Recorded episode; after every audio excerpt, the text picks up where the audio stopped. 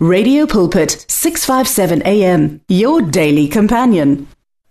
Ladies and gentlemen, I want to greet you. Ndza vito ra matimba ra.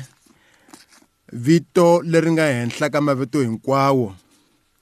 Vito leri nga se. The name of Jesus, the name that is above all the names. The name that is above all the names.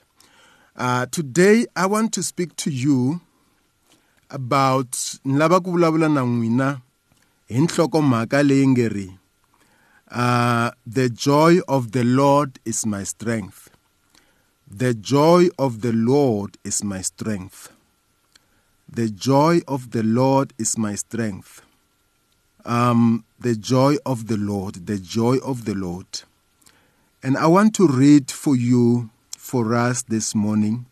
Um, I want to read Psalms 100 and number 20, 122, verse number 1.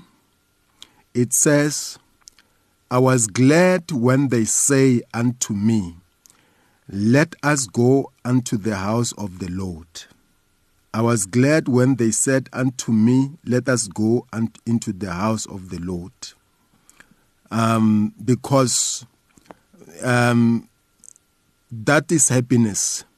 Uh, in a, a happiness leyi va ka koho leyi mitsara vulavulaka hi yona a ku a ndzi tsakile loko va mina let us go into the house of the lord i was glad when they say unto me let us go into the house of the lord i was glad when they say unto me, Let us go into the house of the let us go into the house of the Lord.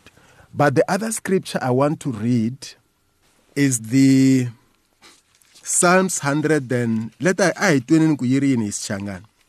Um Psalms 122 Psalm 122 ndzi tsakile ndzi tsakile ngopfu loko va teka mina a hi yeni endlwini ya Yehovha ndzi tsakile loko va te ndzi tsakile ngopfu loko va va ndzi rhambile va endlwini ya hosi. We are we Yerusalema sweswi hi fikile hi nghenile eka wena. And i want to take this scripture because it says that I was glad when they say unto, uh, said unto me, Let us go to the house of the Lord. And I want to couple it with this uh, Psalms, Psalms 100 and number, uh, Psalms 121. Yona yi hlayeka hi ndlela leyi. Ndzi languta henhla etintshaveni, ku pfuniwa ka mina ku ta huma kwihi?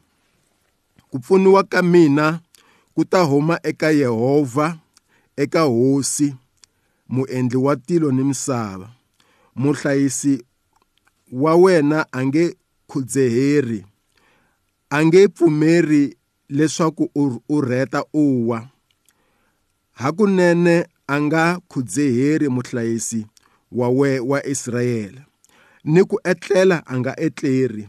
Hosi xikwembu xi ta ku hlayisa xi ta va kusuhi na wena xi ku lwela.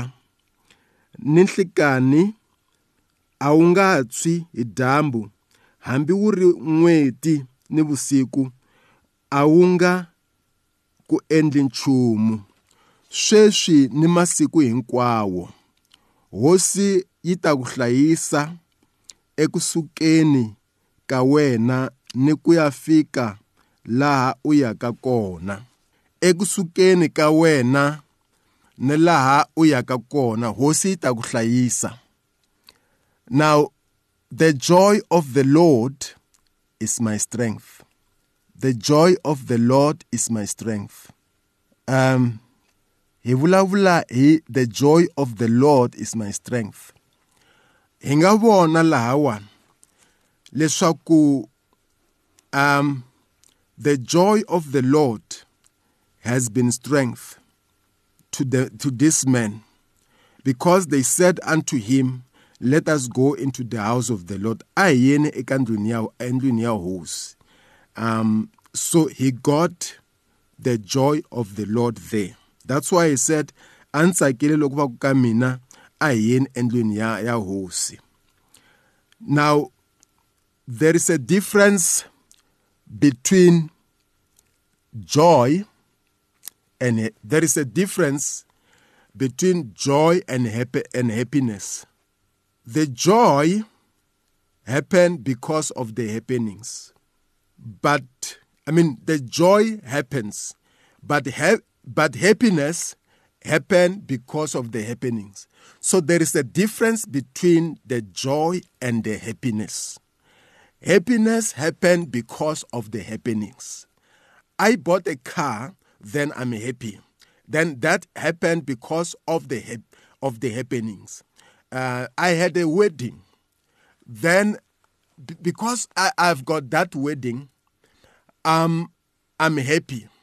So I'm happy because of the happenings. I got promoted at work, then I'm happy. But my happiness is the result of the happenings, which means if there was no happenings, I would not have been happy. But the joy happened regardless of what happened. Even if there was no happenings, even if there was no happenings, the joy of the Lord uh, comes in, kicks in. So hambiloko ni nga ri na movha but ndza tsaka hikuva eh um hikuva ntsako wa hosi wu nyika matimba xikwembu xi nyika matimba regardless of what i have or not. So but so the joy happens because of is the joy of god is the joy of the lord. Hi khensa xikwembu hikuva siku rin'wana ni tshama ni hlaya aka vhese leyi nga vulavula hi loko yeremiya a byela vanhu leswaku sorry nehemaya told the people to say that let us eat and be happy.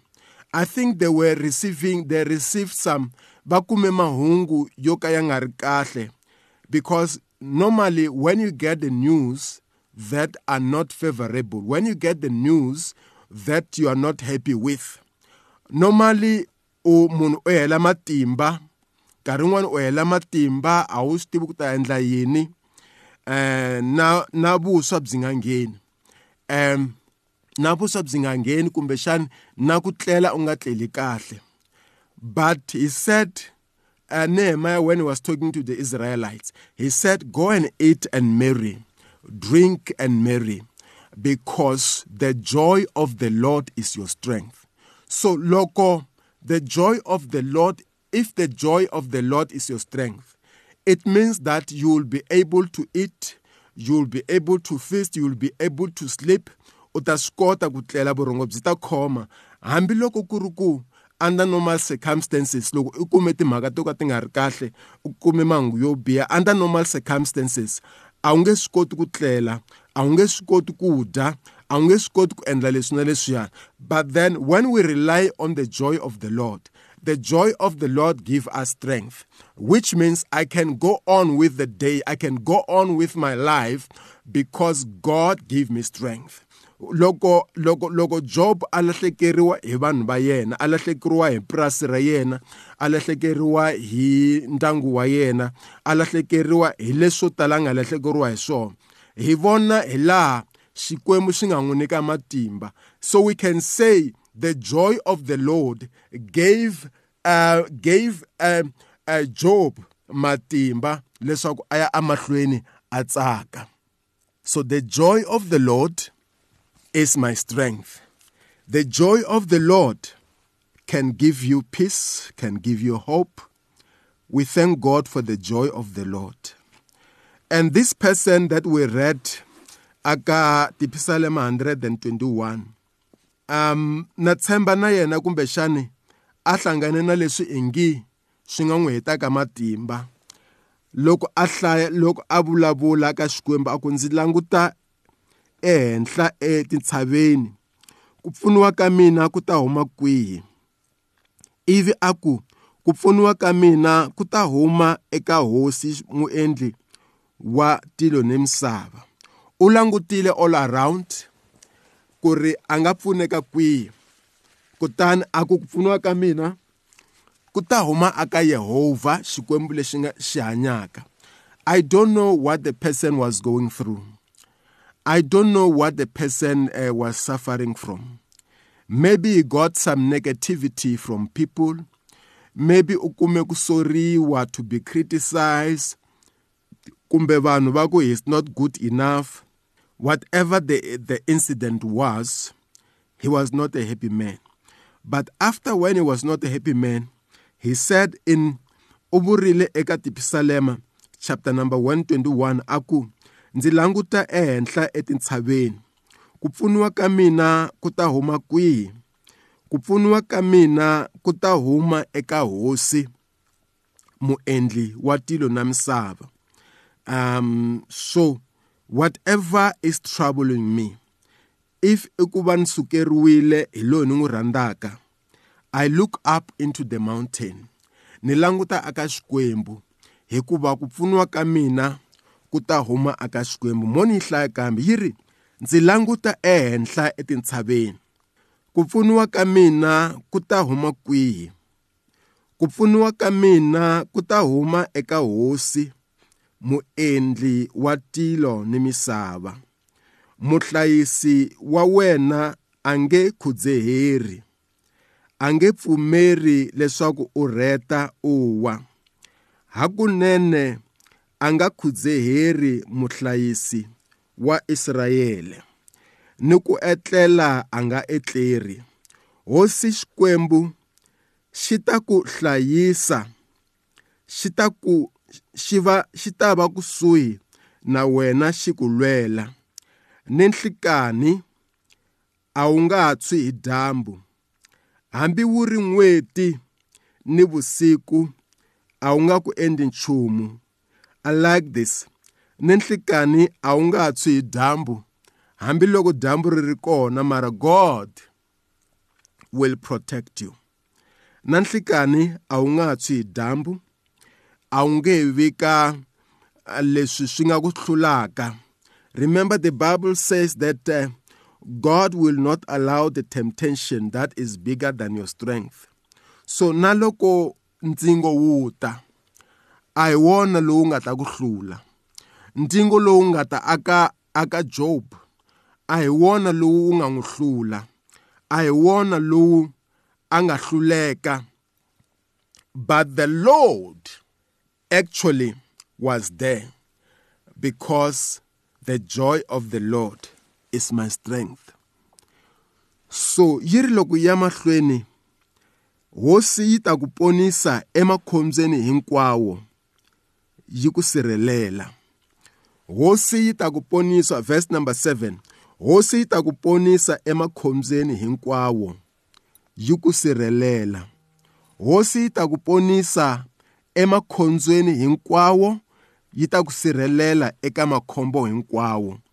Um i don't know what you are going through mara bibele eka tipisalema chapter number 121 verse number 7 yi ri hosi xikwembu. Xi ta ku hlulela xi ta ku ponisa emakhombyeni hinkwawo. Xana what are you going through in your life? Xana loko bibele yi ku hosi yi ta ku ponisa eka makhombo hinkwawo yi nga va yi vula leswi u nga va na swona yi nga va yi vula leswi u nga ku hundzeni ka swona ke? Yi nga va yi vula the uh, pain you are going through and whatever you are going through yes bibele yi vula sweswo yi ri xikwembu xi ta so if you are going through something now and then ku okay this is a situation that is uncalled for this is something that is tormenting me this is something that i would love to get rid of. The bible says the bible say god will uh, save you from whatever you are going through. Xikwembu xi ta ku ponisa aka makhombo hinkwawo lama u hlanganaka na wona. Verse number 8 verse ya ku heketelela aka tipisalema chapter number 121 yi ri sweswi ni masiku hinkwawo hosi yi ta ku hlayisa ekusukeni ka wena ni ku ya fika laha u yaka kona. Sweswi ni masiku hinkwawo namuntlha na masiku hinkwawo. Today and every day. Today and every day god will take care of you. Ku vula bibele yi ri namuntlha ni masiku hinkwawo. Namuntlha mundzuku mundlwani vhiki leri taka n'hweti leyi taka uh, lembe leri taka the other year xikwembu xi ri xi ta ku hlayisa. God will take care of you. Ekusukeni ka wena ni ku fika laha u yaka kona. Ekusukeni ka wena loko wa ha famba na cv ya wena u ya gongonda laha u hleketaka ku u fanele u kuma ntirho kona. Xikwembu xi ta ku katekisa xi ku hlayisa ekusukeni ka wena ni le ku fikeni ka wena. Ekusukeni ka wena before the interview na le ku fikeni ka wena loko se va karhi va ku interviewa na le ku fikeni ka wena loko se u karhi u vulavula um whatever you are going through or if it's a job interview the bible says god will be with you. God will be with you. And uh, tsundzukani leswaku uh, Yehova u ri um u ta hi hlayisa hinkwako. But i like the faith of this man especially in verse number 1 of 121 loko a langutile kumbe xani swilo swi nga fambi kahle ivi a helela a ku ndzi ndzi languta ehenhla etintshaveni. Ku pfuniwa ka mina ku ta huma kwihi? Ku pfuniwa ka mina ku ta huma eka Yehovha ku ta huma eka hosi muendli wa tilo na misava. What a faith what a trust. I believe that even abraham did the same thing when he, he when when god uh, took him and say ni lava ku ku yisa aka tiko leri ni nga ta ku komba rona. I'm sure abraham u langutile a ku ri ndzi tlakusela mahlo ya mina etitshaveni xana ku pfuniwa ka mina ku ta huma kwihi ku pfuniwa ka mina ku ta huma eka yehovha xikwembu lexi hanyaka. Na tshemba leswaku na job u vule tano loko a humelela hi makhombo lama nga humelela lama nga n'wi humelela. A ku ndzi tlakusela mahlo ya mina etintshaveni. Xana ku pfuniwa ka mina ku ta huma kwihi ku pfuniwa ka mina ku ta huma aka yehovha n'winyi wa tilo na misava. Ku pfuniwa ka mina ku ta huma eka yehovha xikwembu lexi hanyaka. Na wena u nga vula namuntlha u ku xana ku pfuniwa ka mina ku ta huma kwihi ke? Um you, you look from the south from the north from the east from the west uh, wherever you're looking from god is able to help us. God is able to help you. Whatever you're going through vula u vula na na na na, na mupisalema loko a ku ndzi languta ehenhla etintshaveni. Ku pfuniwa ka mina ku ta huma kwihi? Ku pfuniwa ka mina ku ta huma eka hosi muendli wa tilo na misava. Muhlayisi wa wena a nge khudzeheri a nge pfumeri leswaku u rheta u wa hakunene hakunene a nge pfumeli leswaku u rheta u wa xikwembu a xi ku katekise xi ku endla hi tintswalo ku kondza hi hlangana ka nkarhi lowu taka The words of the Lord are words of life. Your heart is on 657 AM. 657 AM. Radio for believers in action.